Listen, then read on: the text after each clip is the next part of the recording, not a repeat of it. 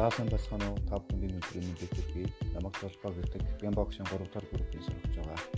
За тэгэхээр өнөөдрийн подкаст дээр болохоор олон улсын харилцаа сэдвийн хүрээнд өөрийнхөө сонгосон эсэний сэдвэр олон улсын эрхцүү сэдвийг сонгож подкаст хийх шийдсэн байгаа.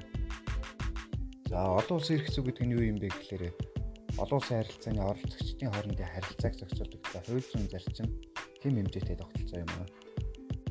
Олон улсын эрхцүү харилцааны одоо гол үүрэг нь болохоор улс хоорондын харилцааг зөв одоо зохицуулахаас гадна хэвэн байдлыг хангах тухайн улс хооронд харилцааг хамгаалах үүрэгтэй. Эрхцүү гэдэг ойлголт нь ер нь дэлхийн аль ч газар нутагт ер нь байдаг. А гэхдээ байдаг боловч одоо нутаг нутгаас хамаарах харьцангуй үйлчлэлтэй байдаг.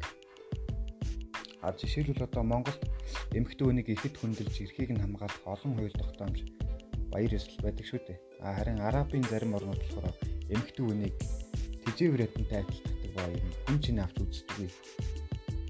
За тэрч бүү хэл юу хөмсөх өөрийгөө гойж гангалах гэж ер нь наацх эмэгтэй хүнд байх хэвээр эрхүүдийг нь хаад эмэгтэй хүний эрхийг хязгаарлагддаг байгаа.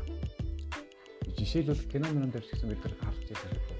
Араби одоо кино мөрөнд гарах эмэгтэй хүмүүс нь толгой дээрээ нүрээ таглахад таавууд тавьсан байдаг ч үгүй тийм маск шиг зүйл зүүсэн байдаг. Би яг тэр юм яг юу гэдгийг санахгүй. Араб орнууд болохоор ер нь эрх зүйн аль нэг талд нь ер нь эрх эндээс авч үзэхэд эрхтэн хүнд аль эрх зүйн дамгаалсан харагдаж байна. Харин олон улсын эрх зүйд болохоор дамгаалс эрх гэж ерөөсөй байдаггүй.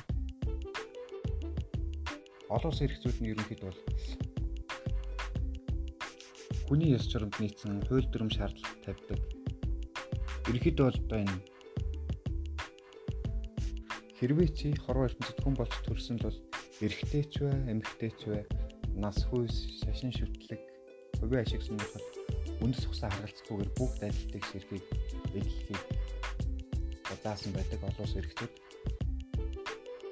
За хэрвээ альва улс оронд эргэцүү гэж үгүй байсан бол замраагүй байдал үүсч хаасаагүй өмнө самуун гэмт хэрэг тэгшвэс байдал үүсч тухайн улс ороод төд бодлого одоо мөхөх нь бол ойлгомжтой.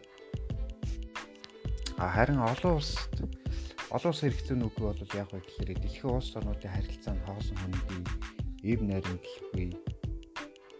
За тэгээд ер нь ихэнх орнууд л ерөнхийдөө гадаад бодлохоор дамжуулж эдийн засгийн өсөлт улс орны хөгжлөө тодорхойлдог дахиж дэвшилт гаргадаг байгаа.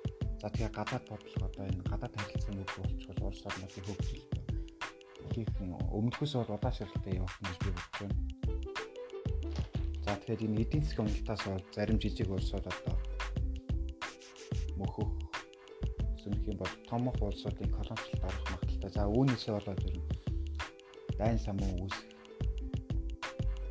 инхтэйгээ алга болоход аюултай учраас альва нэг улс орнууд ерөнхийдөө гадаад харилцаагаа их чухалчлаад үздэг байгаа. Олон улсын зүйг хэрэгжүүлэхэд чухал нөлөө үзүүлдэг байгууллагын нэг бол хөө нүүб буюу бидний нэгдсэн үндэсний байгууллага байгаа.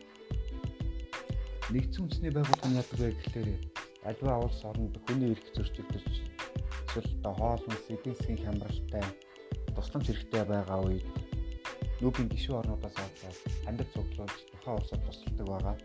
Жишээлбэл хүнс хэсэг болохоор цэрэг дэстийг илгээдэг ч юм уу. Тиймэрхүү байдлаар тусламж үзүүлдэг байгаа. За мөн нүүбэн зөвхөн одоо улс орондоо тусалцаа үзүүлдэг гэж ойлгож болохгүй. Улс хоорондын дипломат ажиллагаа гэж байдаг. За дипломат ажиллагаанд нь юу юу багтдаг юм бэ гэхээр соёлын дипломат ажиллагаа, эдийн засгийн дипломат ажиллагаа, хүмүүнлэгийн дипломат ажиллагаа, захим дипломат ажиллагаа зэрэгээр одоо дипломат ажиллагаа нөлөөлдөг байгаа.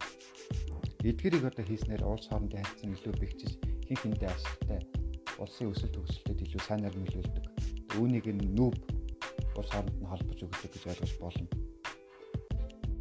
За манай Монгол улсын гадаад бодлогын тулгуур одоо зарчмууд нь яг юу юм бэ гэвэл найрсгаар тэнцвэртэй хөр шалантайгаа харилцах, өрөнд орны өндөр хөгжилтэй гүрнүүтэй найрсаг харилцаа хөгжүүлэх одоо шил Америк зэрэгтэй Канада гэх хөгжиж буй орнуудаас нийтлэг зорилт зорилтуудаас одоо бодит боломжийн хэмжээнд хамтран ажиллагаа өөрсдөө хэмжээнд л гэсэн.